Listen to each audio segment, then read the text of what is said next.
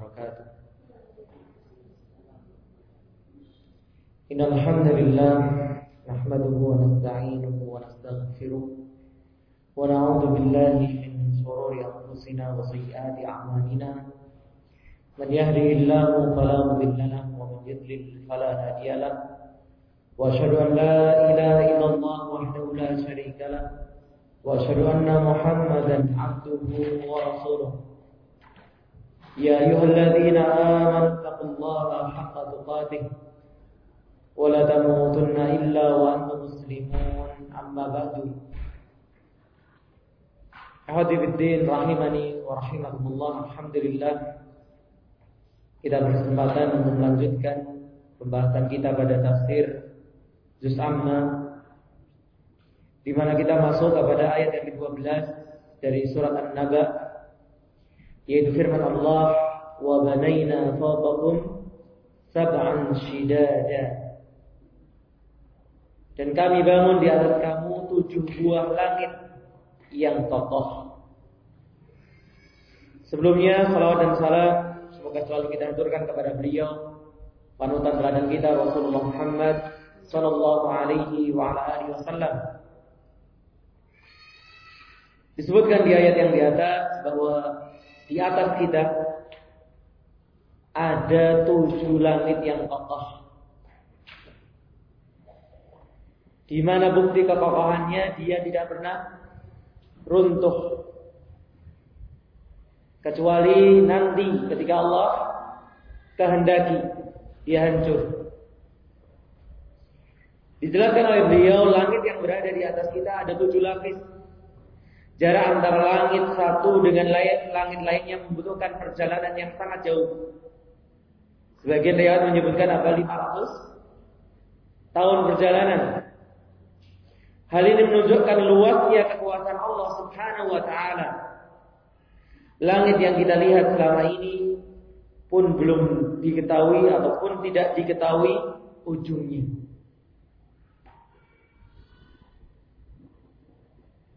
Mungkin kalau sebagian yang pernah naik pesawat gitu ya. Begitu pesawat ada di atas sudah pandangan tanpa batas, tidak tahu ujung di mana pangkalnya di mana.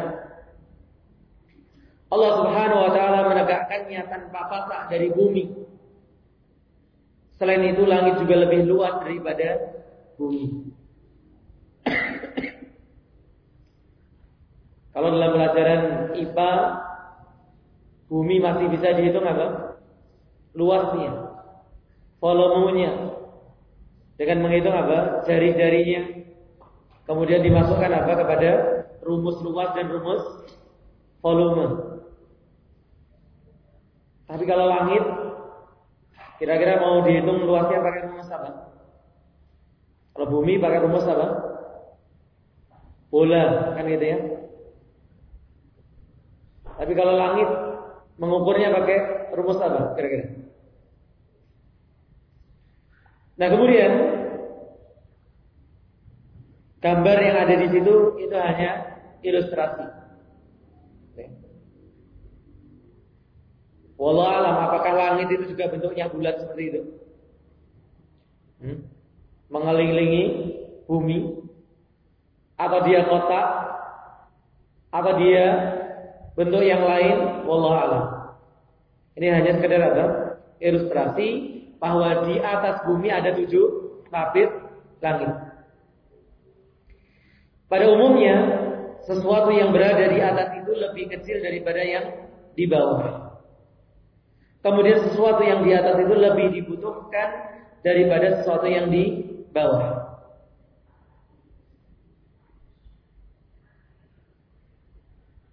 Apabila sesuatu yang ada di bawah jatuh, maka yang di, di atas juga akan jatuh. Oleh sebab itu dibutuhkan pasak untuk menahannya. Itu rumus apa? Bangunan. Bahwa bangunan yang di atas lebih kecil daripada yang di bawah karena yang di bawah menahan yang di atas. Dan kalau yang di bawah di lantai satu hancur, yang di atas ikut hancur. Inilah yang sering kita lihat dalam kehidupan sehari-hari. Tapi hal ini tidak berlaku pada apa? Langit. Karena langit tidak butuh kepada bumi. Hal seperti itu tidak berlaku bagi langit karena langit jauh lebih tinggi dan luas daripada bumi. Sementara itu tidak ada pasak yang tertancap dari bumi menuju langit. Maksud pasak di sini apa? Tiang. Jadi kalau kita lihat masjid ini, lantai duanya membutuhkan kepada lantai satu. Ada tiang-tiang yang dipanjangkan untuk menyokong, menyangga lantai dua. Maka ternyata langit ada yang pernah ketemu tiangnya langit? Hmm? Maka langit tidak butuh kepada bumi. Padahal langit yang kokoh dan ada di atas kita bukan hanya satu lapis, melainkan tujuh lapis. Ini baru satu lantai saja kita bisa hitung. Ada berapa banyak apa? Tiangnya. Nah, kalau ini tujuh tingkat. Kira-kira butuh berapa banyak tiang, berapa besar? Tapi ternyata langit tidak membutuhkan. Seorang hamba yang merenungkan hari ini akan menyadari bahwa dirinya makhluk yang sangat kecil dan tidak sebanding dengan bumi, apalagi dengan dahsyatnya langit yang ada di atas bumi dan ciptaan Allah Subhanahu wa taala sebanyak tujuh lapis. Dengan kita merenungi ayat yang seperti ini, kenyataan yang seperti ini, kita semakin sadar akan kebesaran Allah dan kita ini sangatlah kecil. Ketika orang naik pesawat, gitu ya. Siapa yang sudah pernah naik pesawat? Pernah? Hah? Ketika apa? Naik, lihat ke bawah. Rumah itu semakin lama semakin apa? Kecil dan lama-lama tidak kelihatan. Kalau rumah yang segede ini aja nggak kelihatan, kira-kira yang menghuni rumah seberapanya? Tambah nggak kelihatan. Makanya kita ini kecil sekali dibandingkan makhluk Allah. Apalagi penciptanya para makhluk. Maka ketika kita mengucapkan Allahu Akbar. Allah yang maha besar. Ini perlu kita sadari. Artinya Allah maha besar secara zatnya. Secara sifatnya. Bahwa kita ini apa? Kecil secara zat dan sifatnya. Kemudian Allah lanjutkan kebesarannya yang lain, waj'alna sirajan wahaja. Dan kami jadikan pelita yang amat terang, yaitu apa? Matahari. Dan sebagaimana kita pelajari dalam pelajaran IPA pula, matahari yang kita lihat hanya kecil. Ukurannya lebih besar dari bumi atau lebih kecil? Hah? lebih besar. Siapa pun yang mempelajari Al-Quran akan mengetahui bahwa Al-Quran diturunkan Allah Subhanahu Wa Taala dengan lafal yang detail dan tidak mungkin keliru. Ya'tihi al-batilu min bayni yadayhi wa la min khalfihi tanzilun min hakimin hamid. Al-Quran adalah sesuatu yang tidak datang kepadanya, yaitu Al-Quran kebatilan, baik dari depan maupun dari belakangnya, yang diturunkan dari Rob yang maha bijaksana lagi maha terpuji. Al-Quran tidak akan mempunyai kesalahan, baik dari depan, dari belakang, dan dari arah mana pun, karena Al-Quran diturunkan oleh Allah Subhanahu wa Ta'ala. Salah satu contoh adalah ayat ke-13 surat An-Naba Allah menyebutkan matahari dengan firman-Nya apa? Waj'alna sirajan wahaja. Dan kami telah menjadikan apa? pelita yang amat terang. Wahaja apa artinya? Sangat terang. Kami jadikan sinar wahaja yaitu yang mengandung rasa panas. Dalam bahasa Arab wahaj adalah cahaya yang mengandung panas. Dan hari ini kita bisa merasakan. Hmm? Dalam beberapa hari ini banyak yang posting status uh, apa? Panasnya sampai berapa? 40-an derajat.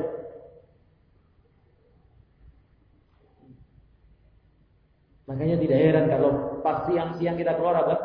Terasa sangat menyengat, panas. Para ulama mengatakan maksud dari ayat ini adalah matahari. Allah Subhanahu wa taala tidak menyebut matahari dengan nur sehingga berbeda dengan bulan. Allah Subhanahu wa taala berfirman tentang bulan wa ja'al wa ja'al al-qamara fihin nanura. Dan Allah menjadikan pada langit-langit tersebut terdapat apa? Nur. Cahaya. Yang dalam bahasa Indonesia dibedakan. Matahari itu apa? Sinar. Sinar itu mengandung panas. Kalau cahaya tidak mengandung panas. Makanya kalau ada orang keluar siang-siang bawa payung wajar ya? Wajar, meskipun tidak turun hujan. Kenapa? Panas. Tapi kalau ada orang di malam 15 keluar bawa payung. Kenapa? Padang bulan. Hmm? Terus bawa payung. Gimana kira-kira? Kurang sak sendok, gitu ya? Kurang strip, huh? satu strip. Dikatakan tidak waras. Karena nggak ada ceritanya orang kepanasan karena apa? Cahaya rembulan. Dan itu yang disabdakan Nabi SAW ketika membahas tentang apa? Sabar dan sholat.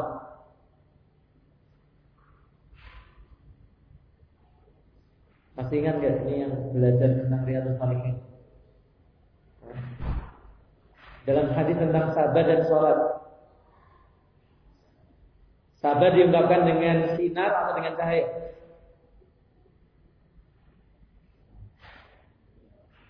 Asabru riya'un wassalatu nurun. Sabar maupun sholat sama-sama cara untuk menghadapi apa? Ujian. Cobaan. Tapi dibedakan bahwa sabar itu dia. Dia itu apa? Sinar. Karena sabar itu apa berat, mengandung panas. Orang habis dicela, habis dicaci, kon sabar gimana? Uh, maunya marah. Berbeda dengan salat. Antum habis dicela, habis dicaci, segera ambil wudhu, salat gimana? Adem. Maka Rasulullah pun mengungkapkan dengan hal yang berbeda antara sabar dengan apa? Salat. Dua-duanya menerangi kita ketika apa? Diberikan ujian. Tapi sabar itu mengandung apa? Panas. Sedangkan salat tidak mengandung panas. Kata nur dalam ayat ini bermakna cahaya. Sementara itu Allah menyebut matahari sebagai sirajan yang bermakna apa? Diaan. Bulan dikatakan sebagai cahaya karena pantulan dari sinar tersebut. Kenapa bulan tidak mengandung panas? Karena cahaya bulan itu pantulan dari sinar matahari. Makanya kalau sinar mataharinya tertutup, terjadilah namanya apa? Gerhana bulan. Inilah hal yang menunjukkan detailnya Al-Quran yang diturunkan Allah Subhanahu wa taala pada 1400 tahun yang lalu. Jadi ini membuktikan kebenaran Al-Qur'an. Waktu itu teknologi apa? Astronomi belum semaju sekarang. Kok bisa berbicara seperti ini? Ya karena yang berbicara siapa? Yang menciptakan bumi, langit, matahari dan bulan.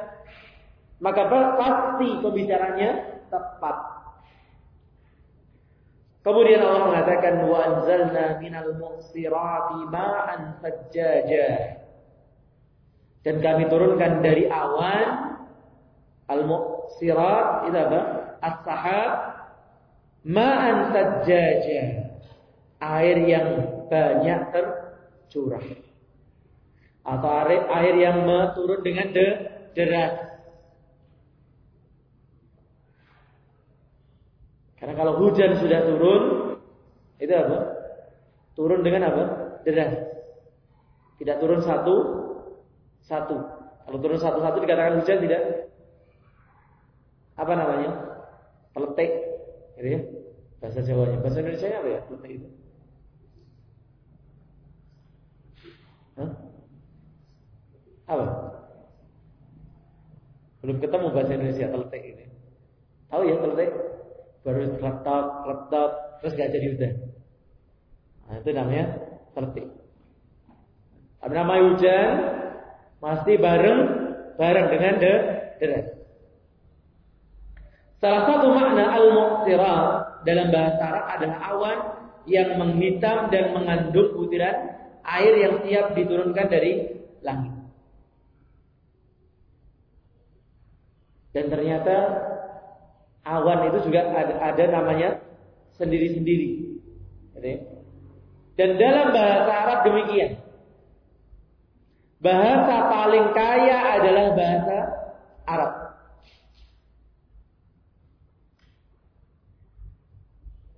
Jadi kalau bahasa Indonesia itu kan kambing kalau sudah gede sama kecil namanya tetap apa? Kambing. Paling tambahi anak kambing, ha? atau kambing kecil gitu ya. Makanya kalau ujian bahasa Jawa gitu ya, anak kambing, kambing cilik. Hah? Ya salah. Apa anak kambing namanya? Cempe. Kan. Nah, bahasa Arab lebih kaya lagi. Mungkin kalau yang pernah belajar yang gampang apa? Dalam pembahasan zakat. Dalam pembahasan zakat hewan ada istilah apa? Musinnah. Ada istilah Ibnu Labun. Uh, Ibnu Makhad dulu. Ibnu Labun. Jadi anaknya onta, anaknya kambing, anaknya sapi, setiap umurnya punya nama tertentu. Maka demikian pula awan dalam bahasa Arab pun punya nama sendiri-sendiri. Tidaklah dinamakan apa? Muksirat kecuali awan yang hitam yang mengandung titik air yang sudah siap turun hujan. Jadi kalau kita lihat sekarang ini awan putih itu, itu bukan muksirat. Maka Allah menyebutnya hujan itu turun dari mana? Muksirat, bukan sahab. Sahab beda lagi. Allah mengatakan wa minal muqsirati ma'an sajjaja.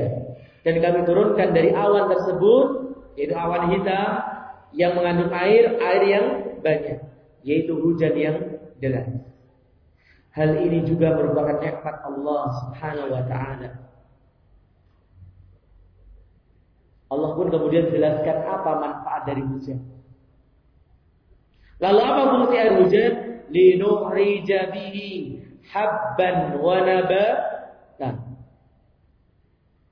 Supaya kami tumbuhkan dengan air hujan tadi apa? Biji-bijian dan tumbuh-tumbuhan. Dan ternyata tetap butuh apa? Air hujan. Antum lihat itu. Apa? Halaman itu. Meskipun setiap hari disemprot, tetap kering. Tapi begitu besok air hujan akan turun, langsung rumput-rumput yang kemarin kelihatannya sudah mati, mulai apa? Tumbuh lagi. Dari sini Ustaz pernah ceritakan, saya pernah ceritakan di beberapa kesempatan saya dulu punya guru yang petani, guru tersebut. Beliau sampai berinisiatif menjadikan air hujan sebagai apa? Sebagai pupuk. Karena melihat spesialnya air hujan. Yang tidak sama dengan air tanah. Nah, beliau petani apa? Cabai. Jadi sebagai ganti pupuknya itu apa? Dari air hujan. Dia tampung air hujannya, kemudian diganti menjadi ganti pupuk. Kata habban dalam ayat ini bermakna biji-bijian. Sedangkan kata nabatan bermakna tumbuh-tumbuhan. Dalam hal ini biji-bijian mencakup segala bentuk biji-bijian yang merupakan makanan pokok manusia seperti beras, gandum, jagung, adat. Apa adas itu? Hah? Kalau di tempat saya salah tiga adas itu eh, apa? Sayuran yang kecil-kecil kayak rambut warnanya hijau. Hah? Apa namanya di sini rambut buto? Gak pernah. Di pegunungan banyak ini. Biasanya dibuat polo, dibuat sayur, ada loh saya berapa kali lihat di sini apa namanya rambut buto kalau nggak salah. Kayak rambut begitu warnanya hijau, tua. Tak pernah lihat? Nah, di tiga itu namanya juga disebut sayur adat. Tapi adat di sini bukan itu. Adat itu biji. Bentuknya seperti biji cabai. Nanti dimasaknya seperti bubur. Di Indonesia nggak ada. Gitu ya. Dimakannya sama roti. Nanti ya, kalau kesempatan apa? Umroh, haji atau belajar di Madinah. Allahumma amin. Ya. Nah, nanti makan namanya tamis. Tamis itu roti yang bulat gede itu. Nah itu makannya sama ada. Itu juga biji-bijian. Jadi bijinya kalau seperti apa? Isi cabai, bulat pipih tapi agak tebal. Dan full. Ah, full itu kacang atau kacang-kacangan. Di sini disebutkan kacang merah. Kemudian Allah Subhanahu wa taala menyebutkan nabata. Allah Subhanahu wa taala menyebutkan biji-bijian terlebih dahulu karena biji merupakan makanan pokok. Hal ini berbeda dengan tumbuh-tumbuhan, sayur-mayur atau buah-buahan karena kadang-kadang kurang dibutuhkan manusia. Wallah alam ini. Kelihatannya Ustaz Firanda ini nggak suka sayur. Siapa nggak suka sayur Mas ya? Hah? Nah, iya. Nah, tubuh ini butuh sayur mayur. Ini beliau mengatakan kadang kurang dibutuhkan, bahkan sangat dibutuhkan. Ini kalau ketemu tak protes ini nanti. Ini kelihatannya Ustaz Firanda nggak suka sayur, makanya badannya tambah mekar saja nih ya. Hati-hati ya.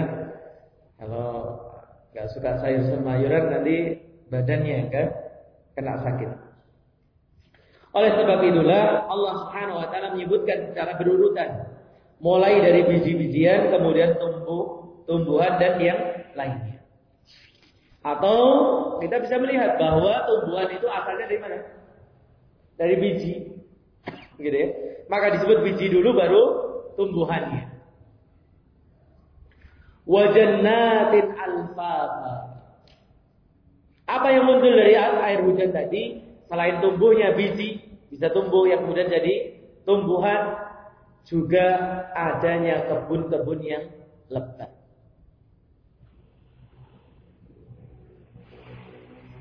Gula mana ini gula? Ke mana dulu? Oh sakit gigi, cabut gigi atau sakit gigi? Oh sakit. Kemudian dengan tumbuhnya biji-bijian, dengan tumbuhnya tumbuh-tumbuhan, apa? Kebun-kebun menjadi hijau. Kita melihat sekarang sawah, kebun, kering semuanya. Kenapa? Karena tidak turun hujan. Maka betapa pentingnya diturunkannya hujan. Maka perlu diselipkan dalam doa-doa kita agar Allah menurunkan hujan. Kasihan para petani, kasihan hewan-hewan. Ayat ini merupakan bagian terakhir dari beragam karunia Allah Subhanahu wa taala. Dia memberikan semua itu kepada manusia sebagai bukti kekuasaan dan kebesarannya.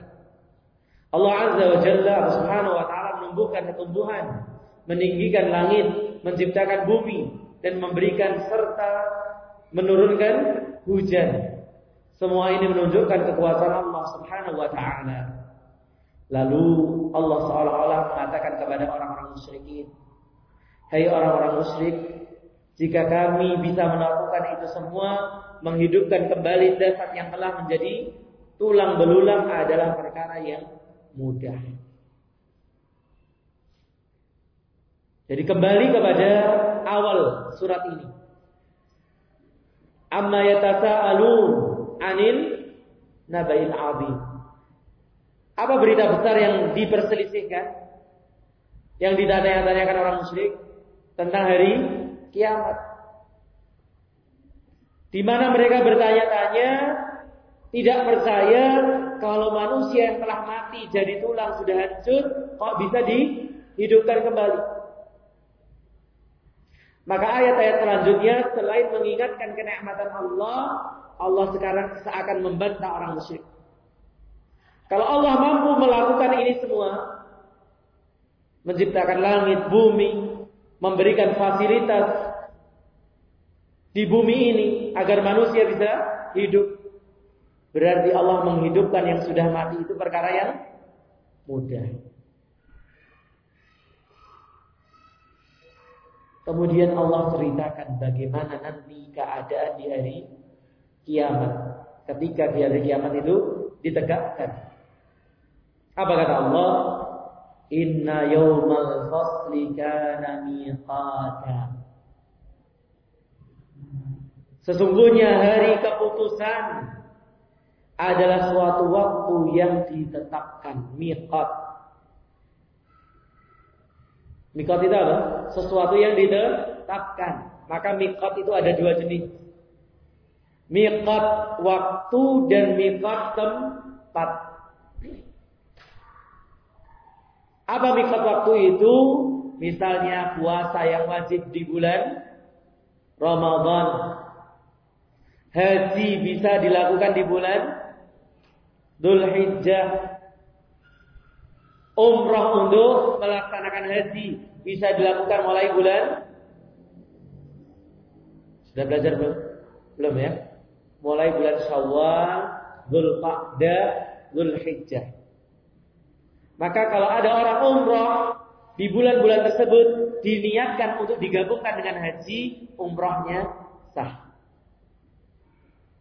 Tapi kalau bulan seperti ini bulan Safar, umrah, nanti apa? Ini umrah saya nanti mau saya gabungkan dengan haji, maka tidak sah. Itu namanya miqat. Apa miqat? Batasan, sesuatu yang ditetapkan berupa waktu. Ini waktu. Juga tempat. Apa tempat itu? Misalnya umrah dan haji dimulai dari tempat-tempat tertentu. Disebut miqat. Contohnya kalau kita dari Indonesia mengikuti mikotnya orang Yaman. Kalau mau ke Mekah langsung apa mikotnya orang Yaman? Nah, ini kelihatannya belum pernah belajar haji. Apa? Ya lam. Tapi kalau kita ke Madinah dulu mengikuti mikotnya orang Madinah, apa itu? Dhul Khulaifah. Ya diajak umrah Ustaz biar tahu gitu ya. Ayo kapan udah? Naik apa ini? Oh, ada blazer ya. Baik. Inna yaumal fasli kana miqatan. Termasuk miqat juga adalah terjadinya hari kiamat. Waktunya sudah ditetapkan. Lagi-lagi saya ingatkan karena ini viral dan masih terus menjadi pertanyaan sampai hari ini. Tentang ceramah umur umat Nabi Muhammad SAW berapa? 1500 tahun. Maka yang pertama perlu diketahui apa? Bahwa hadisnya menurut para ahli hadis, hadisnya adalah dhaif. Ya. Haji apa Guyon? Haji. Benar. Hadisnya adalah hadis dhaif. Namanya hadis dhaif tidak bisa jadi pegangan. Yang kedua sudah hadis yang dhaif bertentangan dengan yang sahih. Anak-anak sudah hafal dan Bapak Ibu mungkin juga sudah hafal hadisnya siapa? Jibril. Ketika Jibril datang tentang uh, bertanya tentang hari kiamat, wa ahbirni ani sa'ah. Apa jawabnya Nabi SAW? Apa jawabnya? Yang mal mas'ulu anha bi ahlama minat sa'il. Tidaklah yang ditanya lebih tahu daripada yang bertanya. Lihat dua utusan terbaik. Utusan terbaik dari golongan manusia dan utusan terbaik dari golongan malaikat sama-sama tidak tahu kapan terjadinya hari kiamat. Kok kemudian ada yang mengklaim terjadinya hari kiamat kalau umur kita sudah berapa? 1500 tahun. Yang ketiga, katakan apa? Ini dalam debat ada istilah apa? Tanazul, ngalah, yes. Yang kowe ngeyel kalau itu hadisnya sahih, benar akan terjadi pada umur berapa? 1500 dari umur umat Nabi Muhammad ada istilah apa? Tanazul, ya ngalah. Apa? Tidak menjadikan kita bersikap pesimis. Kenapa tidak boleh bersikap pesimis? Ada hadis. Seandainya esok hari itu terjadi hari kiamat, dan di tanganku kata Nabi SAW apa? Biji kurma atau bibit kurma. Niscaya aku akan menanamnya. Jadi kalau sekarang kita sudah 1441 berarti apa? Kalau hadisnya sahih, ya udah kalah. Berarti umur kita tinggal berapa? Umurnya Nabi Muhammad tinggal 59 tahun lagi. Hmm? Ah, berarti buat apa ya? Bangun pondok El Hafid 59 tahun paling kiamat enggak usah pondok sing ono wae. Itu ya? Seperti itu. Tetap besok mau hari kiamat tidak masalah. Yang bisa dikerjakan hari ini tetap harus dikerjakan. Maksud dari firman Allah sesungguhnya hari keputusan adalah suatu hari yang sudah ditetapkan adalah hari kiamat itu pasti datang. Apa artinya ditetapkan? Pasti akan terjadi. Apabila seorang yang meninggal dunia, berarti ia telah memasuki kiamat kecil. Dan kiamat ada dua macam. Apa? Kiamatul sughra dan kiamatul kubra kiamat kecil. Kapan itu kiamat kecil? Ketika setiap manusia meninggal. Jadi mbah-mbah buyut kita itu sudah mengalami kiamat. Kiamat apa? Kecil. Dan kiamat kubro, kiamat besar. Kapan itu? Ketika nanti hancurnya apa? Bumi dan langit. Selanjutnya ia akan memasuki alam akhirat. Orang yang sudah mengalami kiamat kecil berpindah menuju awal dari alam akhirat, yaitu alam kubur, alam barzah. Baginya hari kiamat sudah terjadi. Meskipun kiamat kubro atau kiamat besar untuk semua makhluk belum datang. Setiap manusia telah ditentukan kiamat untuknya. Dan kiamat masing-masing kita ini sudah ditentukan. Kapan ditetapkan? Kapan ditetapkannya? Kapan ditetapkannya? Kiamat kita? Hah? Kapan ditetapkannya? Wallah. Ya kan kapan terjadinya? Kapan ditetapkannya? 50 ribu tahun sebelum penciptaan langit dan bumi. Kemudian dituliskan untuk kita kapan? Ketika kita berusia 120 hari di perut ibu kita. Hadisnya apa? Wa inna ahadakum la yujma'u khalquhu fi batni ummihi. Lanjut. Arba'ina yawman nutfatan Thumma yakunu mithla dhalika alaqatan. Thumma yakunu mithla dhalika apa? Mudghatan. Thumma yursalu ilaihir malaku. Setelah 120 hari dikirimkan malaikat. Fayunfahu fayanfu fihi ruh. Meniupkan apa? Ruh. Wa yu'maru bi arba'i kalimatin. Diperintahkan dengan empat kalimat apa itu? Bikatbi rizkihi wa adalihi. Di murajah enggak hadisnya? Ah, sudah hafal hilang lagi gimana? Hal ini berbeda dengan datangnya hari kiamat besar. Maka tidak ada yang mengetahui waktunya kecuali Allah Subhanahu wa taala. Kalau kiamat kecil malaikat yang ditugaskan menuliskan sudah tahu belum? Sudah tahu. Malaikat tahu. Umur saya sekian, umurnya kalian sekian. Malaikatnya tahu. Kenapa? Karena yang diperintahkan menulis. Tapi kalau kiamat kubro, ada yang tahu tidak? Bahkan malaikat terbaik pun Jibril tidak tahu. Dan utusan terbaik dari manusia juga tidak tahu.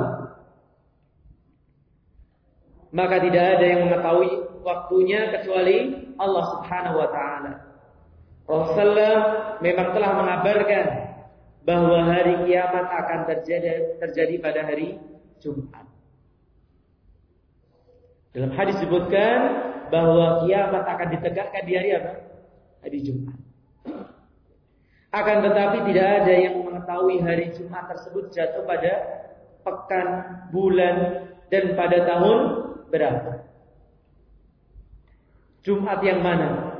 Hari kiamat akan datang dengan tiba-tiba dan kedatangannya adalah sesuatu yang pasti. Oleh karena itu Allah mengatakan inna yaumal fasli kana miqata.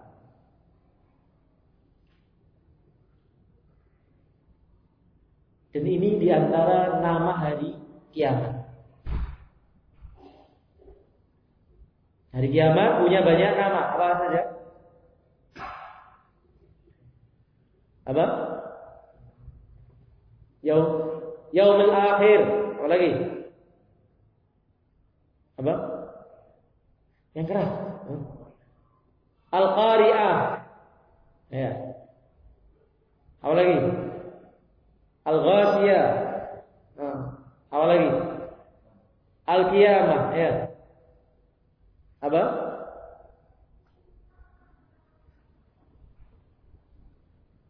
Ini Yaumul Fadli. Apa lagi yang pakai yaum? Hah? Yaumuddin. Kan itu. Maliki Yaumiddin. Apa lagi?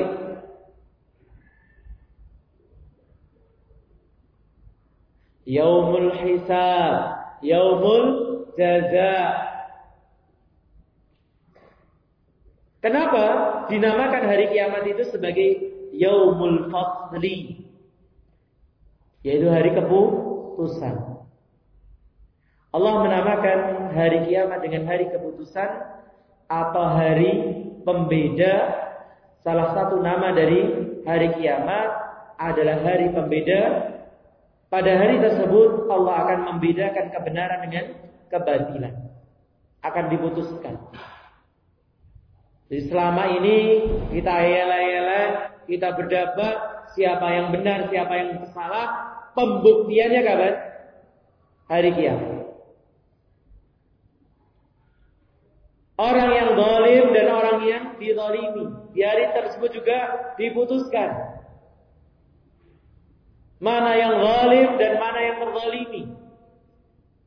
Meskipun kadang di dunia keadaannya apa? Berkebalikan.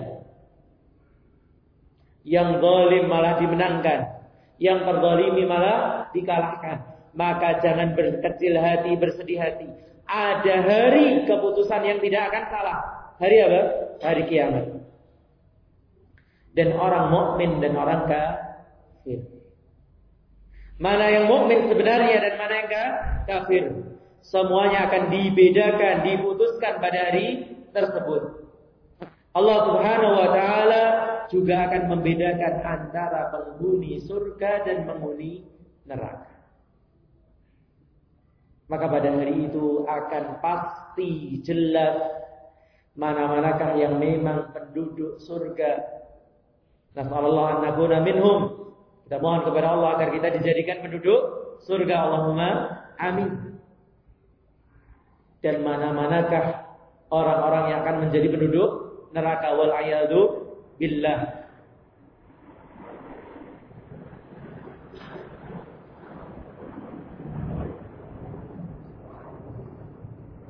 Adakah pada hari kiamat?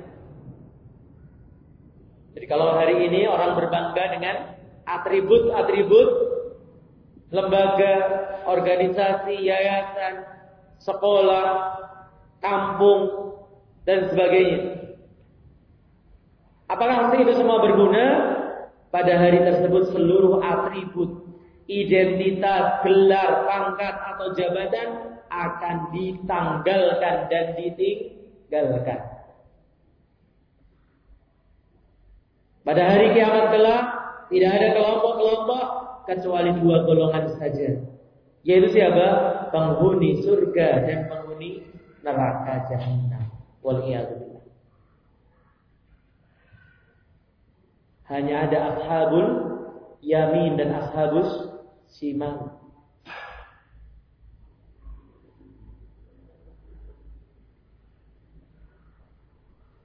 Adakah orang kaya dan orang miskin? Tidak ada lagi perbedaan yang kaya dan miskin. Orang kaya tidak dapat sombong pada hari itu.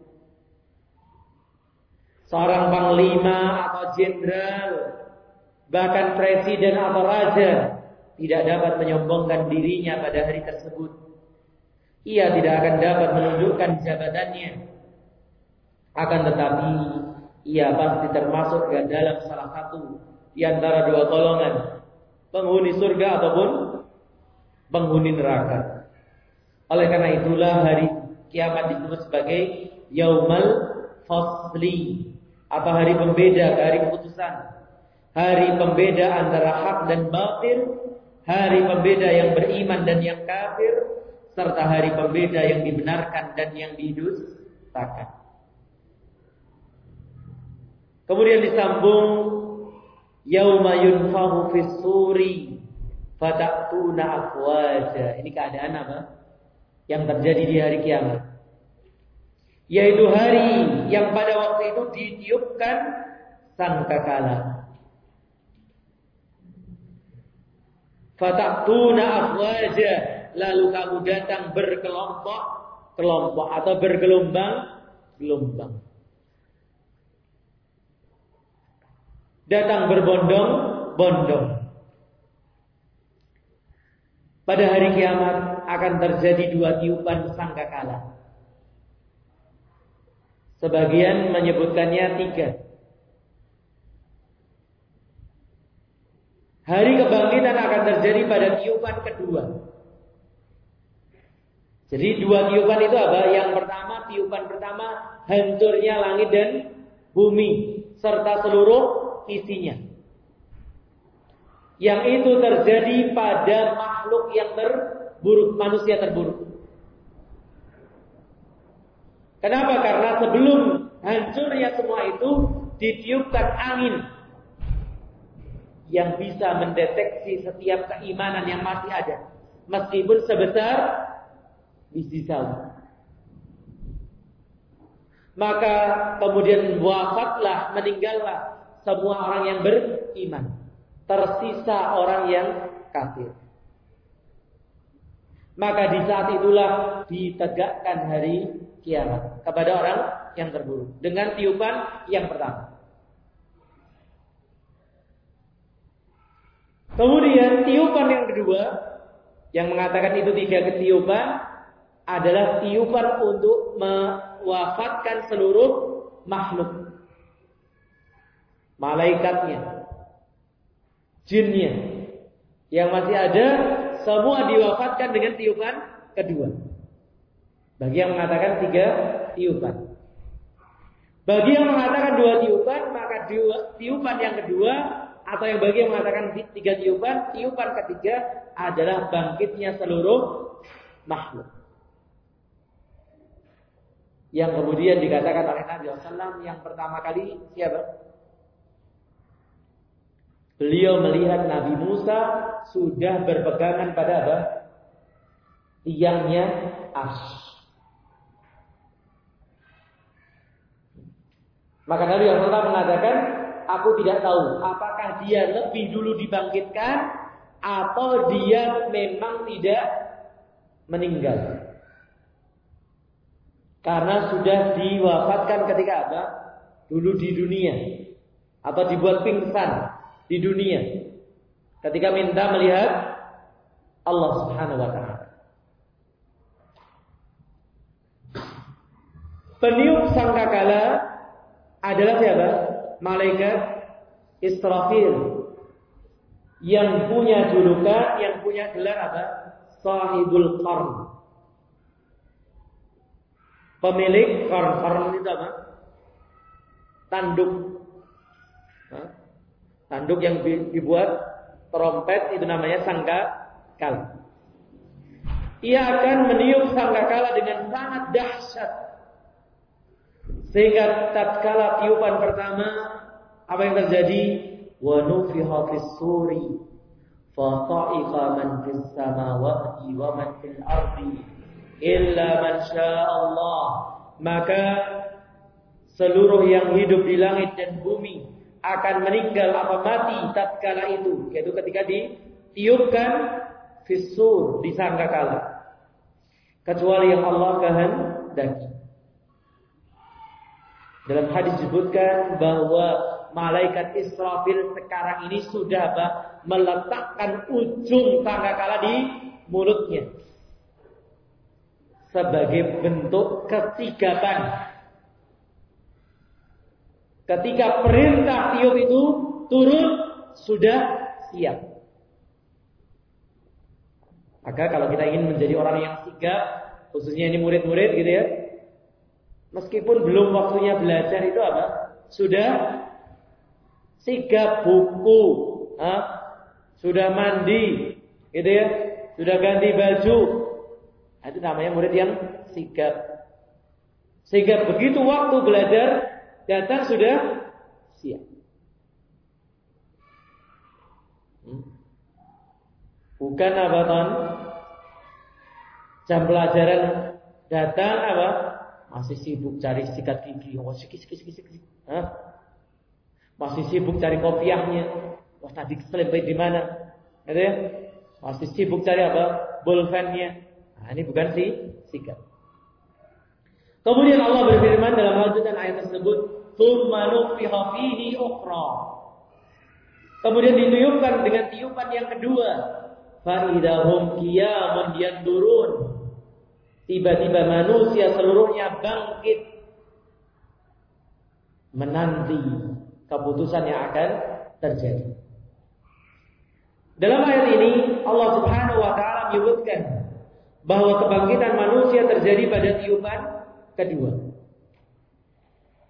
Japensilnya.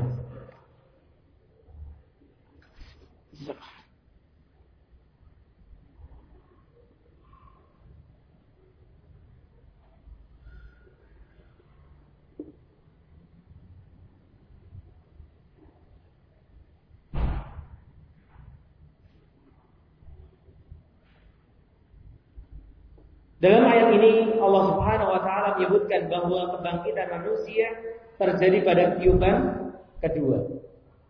Ini juga nama lain dari hari kiamat, Yaumul apa kebangkitan itu? Ba'si.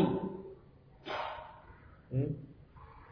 Jarak antara tiupan pertama dan kedua adalah 40. Disebutkan dalam beberapa riwayat jaraknya berapa?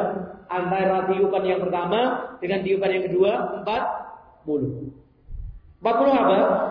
Tidak diketahui secara pasti maksud dari 40 tersebut. Entah 40 hari, 40 bulan, atau 40 tahun.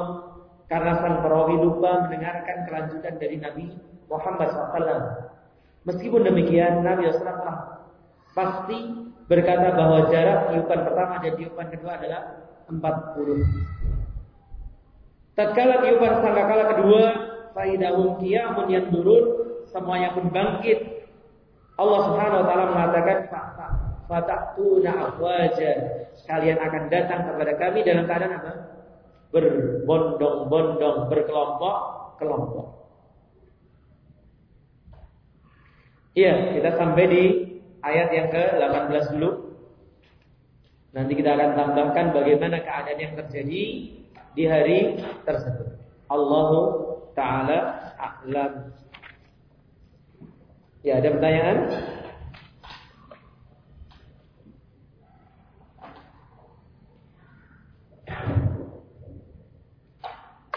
Kalau tidak ada kita cukupkan. Allah taala alam. Oh iya, silakan. Ya, ini pertanyaannya di luar tema Ustaz ada titipan pertanyaan dari teman. Sebagaimana kita ketahui hukum level marketing adalah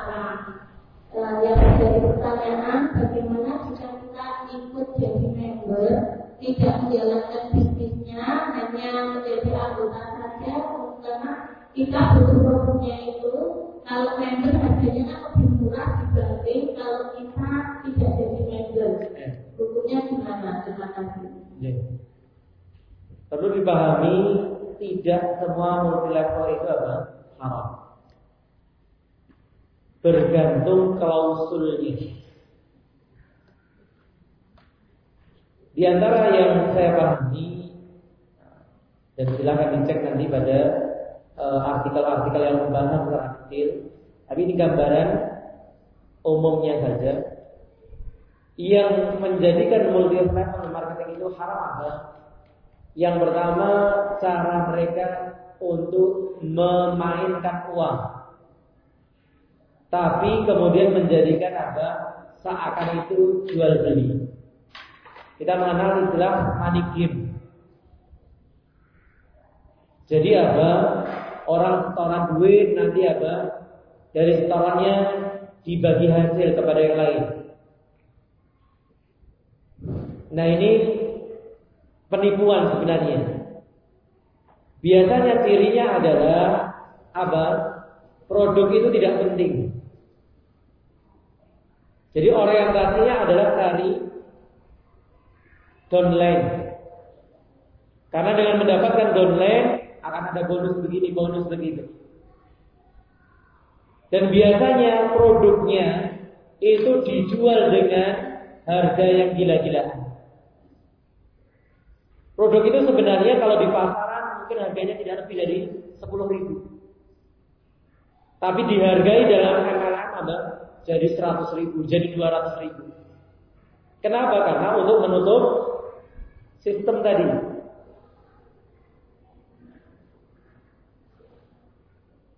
Nah yang kedua adalah apa? Yang mengambil hak downline-nya. Sehingga terjadi apa? Kezaliman di sana. Tapi kalau MLM itu hanya sebuah apa? Sistem dalam jual beli yang sebenarnya. Bahwa orang dengan apa? Sistem ini menjual produk yang memang eksklusif, terbatas, yang tidak memang apa dijual umum di kalangan tertentu. Nah ini apa trik dalam marketing, gitu ya? Maka tidak masalah selama menghindari apa larangan-larangan tadi. Sehingga orang itu orientasinya memang apa jualan produk berdagang, bukan orientasi apa cari member. Yang seperti ini salah satu di antara cara jual beli saja. Maka tinggal dilihat. Kalau memang produknya adalah produk yang memang dibutuhkan, kemudian dengan menjadi anggota tadi apa, mendapatkan keuntungan. Dengan harga yang memang lebih murah dan sebagainya, maka wallah alam semoga yang demikian tidak termasuk yang terlarang.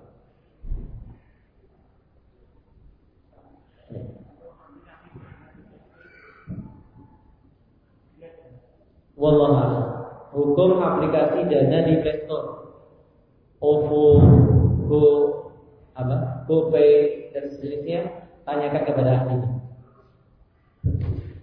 Oke, silakan Ibu-ibu. Pertanyaannya terkait dengan ayat ke-18 tadi yang dibahas. Yes. Di situ di yang terakhir tadi dikatakan dimasuk tatkala yang kedua, sehingga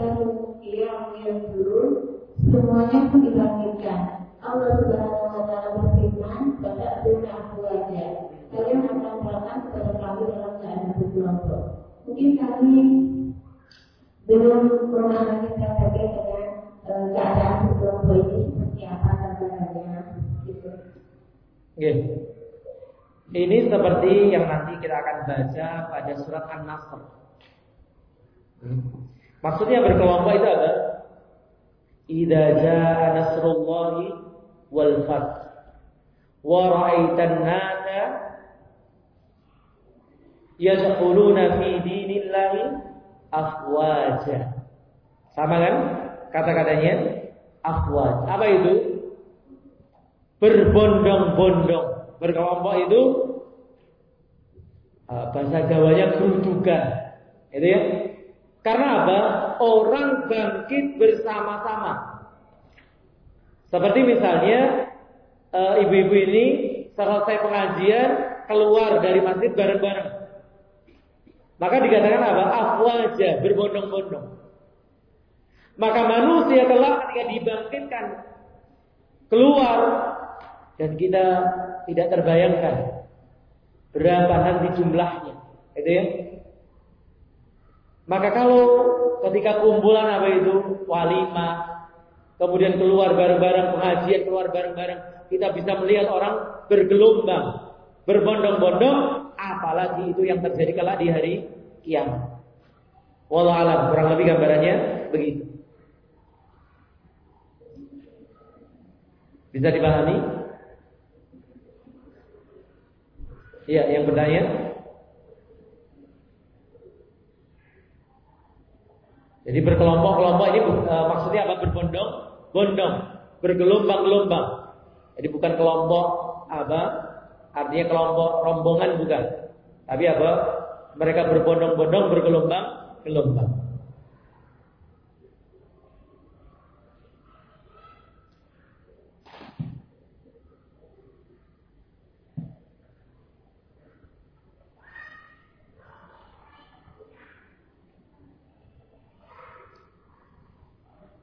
Ada lagi?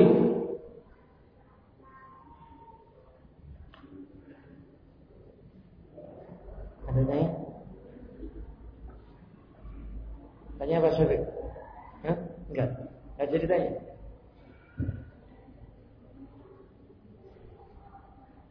Masih ada tidak ibu-ibu?